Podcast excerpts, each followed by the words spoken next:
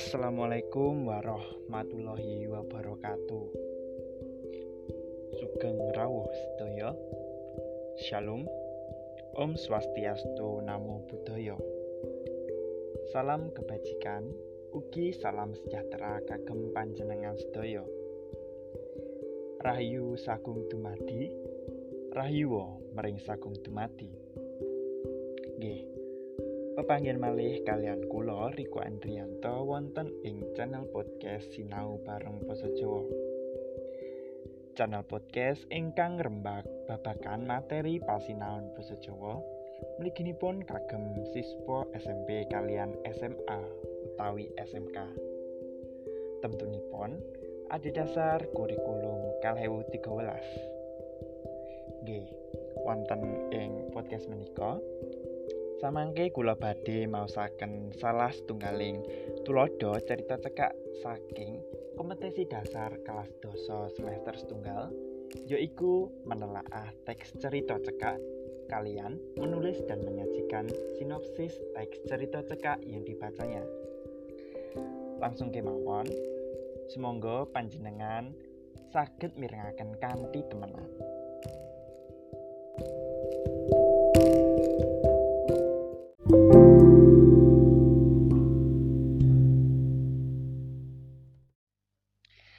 Kasetyane wong dodol sayur.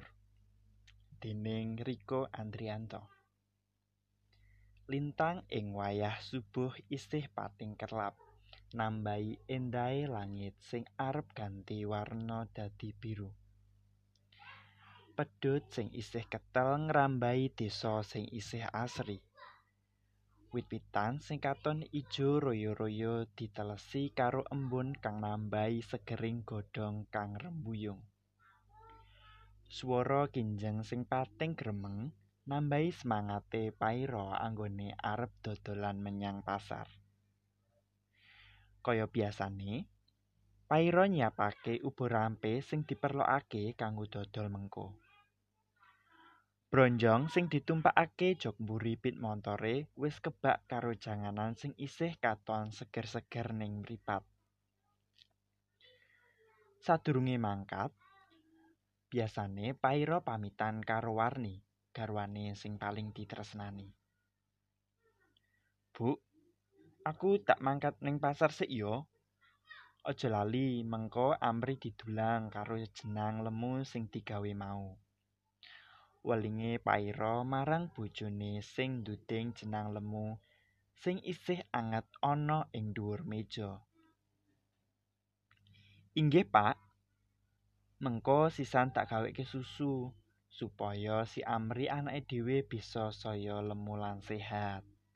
Wangsulane warni karo mesem guyu sinambi nyalimi tangane Pairo. Sawise disalemi warni, tanpa mikir suwe Pairo banjur nyandak pit montore arep menyang pasar.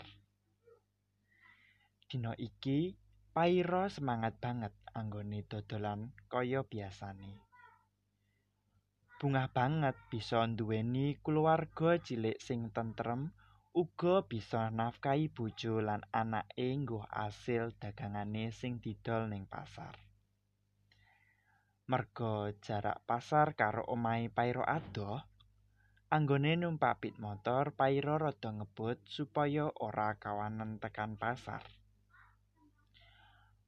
Ora kaya dene ning kutha sing dalane mulus di blok aspal. Dalan sing biasane dilewati Pairo isih elek lan akeh sing durung diaspal. Merga daerah kono isih katon plosok dadine isih kurang digatekake pamarentah. Ora aneh yen wiwit wayah udan akeh dalan-dalan sing jeblok lan temtune angel dilewati. Anggone paira menyang pasar nglewati pinggiran desa sing dalane durung diaspal. Sawise tekan pasar, paira langsung noto dagangane ning dhuwur meja lapake kanthi rapi. Dagangane isih katon seger ning mripat, kang awujud janganan sing isih ijo-ijo. Saben dina, Paira kulaan janganane ning pengepul janganan sing langsung saka gunung. Dadine janganan sing saben dina didol tetep seger.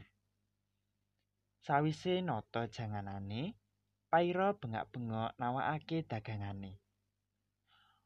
Ora let suwe wong-wong padha mara ning lapake Paira guna tuku janganan sing isih katon seger ning mripat. Paira ngedoli kanthi semangat banget. Ora krasa, wayah sansaya awan. Dagangane Paira wis kari sithik. Merga dikira wis ora ana sing tuku, Paira arep kukut anggone dodolan. Kabeh janganan sing ora kedol dilebokake ning jero bronjong sing isih ditumpangake ning jok mburi pit montore. Nalika Pairo arep nyandhapit montor, ana ibu-ibu nggawa barang kulaan sing akeh banget marani lapake Pairo. Ibu-ibu kuwi isih enom, kira-kira umure telung puluhan taun lan nganggo perhiasan sing pating crentel ning awake. Jenenge Ati. Pairo banjur kaget weruh ana atik sing ayu banget ngadeg ning ngarep lapake. Lagi iki, Paira weruh ibu-ibu ayu banget ning daerah pelosok kaya ngene iki. Kang, janganane isera. Arep tak borong ki. Jare wong-wong janganan sing kok dol seger-seger tur murah. Pitakone ati menyang Paira. Garis sithik ki lho yu. Piye gelem ra? Wangsulane Paira karo isih nyawang gumun ati. Ya ora apa-apa. Nanging iki aku nggawa barang akeh banget ki. Nek misal sampeyan ngeterke ning omahku, gelem ra Kang? Iki alamat omahku, tapi rada adoh saka kene. Panjaluke ati marang Paira. Paira nyarujuki panjaluke ati mau. Paira banjur mancal pit montor arep nuju omahe. Sawise tekan omahe Ati, Paira kaget. Merga omahe Ati mau gedhe banget. Wis ayu ning kok ya isih sugih banget. Satekane ning ngarep gerbang, Paira dicegak karo satpam loro banjur ditakoni alesane teko mrene. Sadurunge Paira mangsuli pitakonane satpam loro kuwi mau, Atik wis nyela.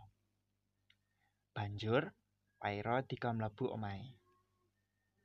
Sawise tekan jero omah, Atik matur, "Wis Kang, salehna ning dhuwur meja kono."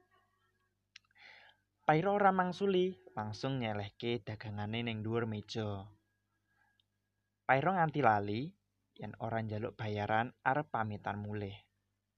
Nanging Atik mau sadar yen Paira lali karo bayarane.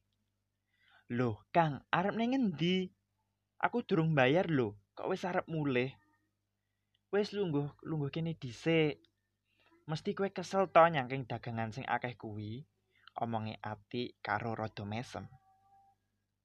Wis ora sayu aku selak gage bali, wangsulane Paira karo rada riko. Halah, gur sedilo wae kok. Wis mrene lungguh dhisik jagungan sedilo. Maksane ati marang Paira. Banjur tanpa diaturi, pembantune ati sing ayu kuwi mau teka nggawa tepak nyepaki paunjukan lan nyamikan. Arep piye maneh? Paira sansaya ora kepenak yen dheweke nolak kuwi mau. Wusana, Paira banjur lungguh nyarujuki panjaluke ati. Kang, aku nganti durung ngerti jenengmu lho, Kang. Tepangno, jenengku Ati. Terus jenengmu sapa, Kang? Sapa ngerti yen wis padha ngerti iso sansaya akrab. Omonge Ati karo mesem guyu. Jenengku Paira, wangsulane Paira rada rilih. Walah Paira. Wah, seneng aku bisa tepangan karo sampeyan. Muga wae jodoh ya, Kang. Wangsulane Atik karo mesem bunga. Krungu suarane Atik kuwi mau, Pairo kaget banget. Mongko Pairo wis duwe anak lan bojo ning omah. Dheweke uga ora bakal ninggalake anak lan bojone. Dheweke arep njelaske ning Atik yen dheweke wis duwe anak lan bojo. Nanging kuwi kabeh kandhek karo swara guntur sing banter banget. Langite katon peteng banget nandhakake arep udan deres. Banjur Atik nyelani ngomong. Kang, kae suarane guntur banter banget. Kowe ngiyup ning kene wae ya mengko yen udan, ature Atik nyelani Pairo sing arep omongan. Ora sawayu, aku tak langsung mulai wae. Wangsulane Pairo karo kesusu arep metu saka omah kuwi. Pairo banjur kesusu metu saka omah kuwi tanpa ngatekake omongane ati. Dheweke numpak pit montor banjur ngebut mulih merga wayah wis arep udan. Nalika tekan bulak sawah anggone arep mulih, udane deres banget ditambah angin lan guntur sing pating gumlegar. Dalan sing durung diaspal dadi jeblok kena banyu udan. Anggone numpak pit motor olang-oling rada kangelan merga dalan sing pating blethok lan lunyu. Motore Pairo reget kabeh karo remah blethok. Sawise tekan ngomah, dheweke wis ditunggoni warni sing ning ngarepan karo gendong Amri sing lagi turu angler. Pairo langsung nyenderake pit montore banjur mlebu ngomah merga kademen. Warni ora takon kena ngopo kok ora bali kaya biasane. Dheweke langsung nggawa wedang teh anget kanggo Pairo. Sawise salin busana merga kudanan, Pairo langsung nyandak teh hangat sing disediakake Warni merga kademen banget. Udane ngrejeh awet banget nganti bengi. Warni durung takon marang Pairo merga Pairo wis turu awet sore mau. ora krasa subuh wis teka. Pairo rada kesusu anggone menyang pasar merga tangine rada kawanen. Sawise kulaan, dheweke langsung budal menyang pasar tanpa pamitan karo anak lan bojone. Tekan pasar Pairo kaget banget. Merga ning ngarep lapake wis ana ati sing adek nungoni Pairo. Loh, Yu, kowe ngopo ning kono? pitakone Pairo rada bingung. Aku arep ngedoli dodol karo kowe, Mas. Sapa ngerti daganganmu sansaya laris yen diewangi wong sing ayune kaya aku iki. Wangsulane ati sing rada kemayu. Pairo ora gagas. Wangsulane ati merga kesusu anggone noto janganan. Ati mau nyawang Pairo karo mesa-mesem. ora malah ngewangi. Sanajan Pairo ngedoli wong akeh, nanging dheweke ngerti yen disawang ati terus. Merga Pairo sing sansaya mangkel, dheweke nganti ngekon lunga si ati kuwi mau. Wis kono yu lunga wa. Aja mung nyawang aku kaya ngono. Marai risi wae. Lunga kono. Apa kowe ora duwe gawean? pitakone Pairo karo nesu. Nalika ati arep wangsulan, wis diselo Pairo meneh. Wis lunga kono lho. Selane Pairo karo getak. Ati banjur lunga merga kisinan disawang wong akeh sing padha blanja dagangane Pairo. Sawise dagangane entek, kaya biasane Pairo ngukuti uwuh ing kiwa tengene lapak. banjur mancal pit montor bali mulih. Dina iki ora mendung, peteng kaya wingi. Langit sing katon biru tuwa lan srengenge cumlorot banter nggawe panase dina iki. Niate Pairo bali supaya enggal-enggal cerita karo Warni kedadian wingi karo mau nalika ning pasar. Nanging nalika lagi tekan dalan bulak sawah sing biasane dilewati, dheweke kaget Merga dalane dipalangi karo mobil sing apik banget lang isih kinclong. Dheweke langsung mandek banjur nglakson mobil kuwi mau supaya minggir. Jebul, sining jero mobil kuwi mau atik sing wis sing wis nunggoni. Mobile banjur dimujurake nurut dalan. Karo loro satpame, atik metu saka mobil. Weruh yen kuwi atik, Pairo sansaya mangkal, atine merga krasa keganggu. Wis jan, karepmu ki apa to yu? Aku arep lewat kok malah dicegak. Pitakone Pairo rada serik. Kang, wis ayo melu aku. kowe gelem ora dadi bojoku. Aku wis tresna karo kowe awet pisanan awake dhewe ketemu. Aku duwe apa wae sing kok butuhke. Penting kowe gelem dadi bojoku ya. Panjaluke ati marang Pairo. Wegah aku. Ndek bojo lan anak. Sanajana aku wong ra duwe, ananging aku ora bakal nguciwani bojo lan anakku. Getake Pairo. Nanging Aku iso menehi kabeh kebutuhanmu, Kang. Wangsulane ati rada ndredeg. Wis, pokoke aku wegah ya wegah. Wis lunga kono wae. Aja ganggu anggonku omah-omah. Getake Pairo maneh. Pairo banjur numpak pit montore arep bali mulih. Nanging ati isih tetep ngadeg ngadang Pairo. Nanging Pairo uga ora gagas.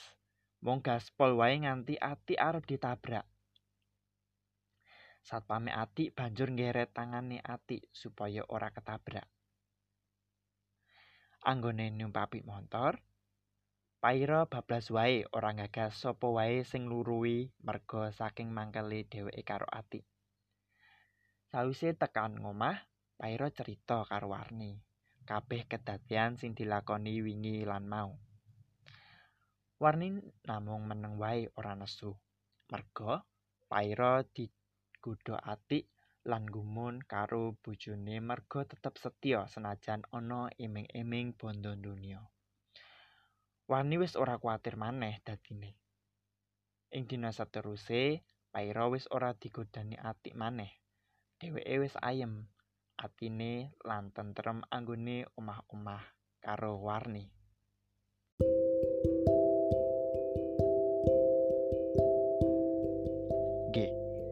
Kalau wau salah setunggaling cerita cekak ingkang kula waosaken.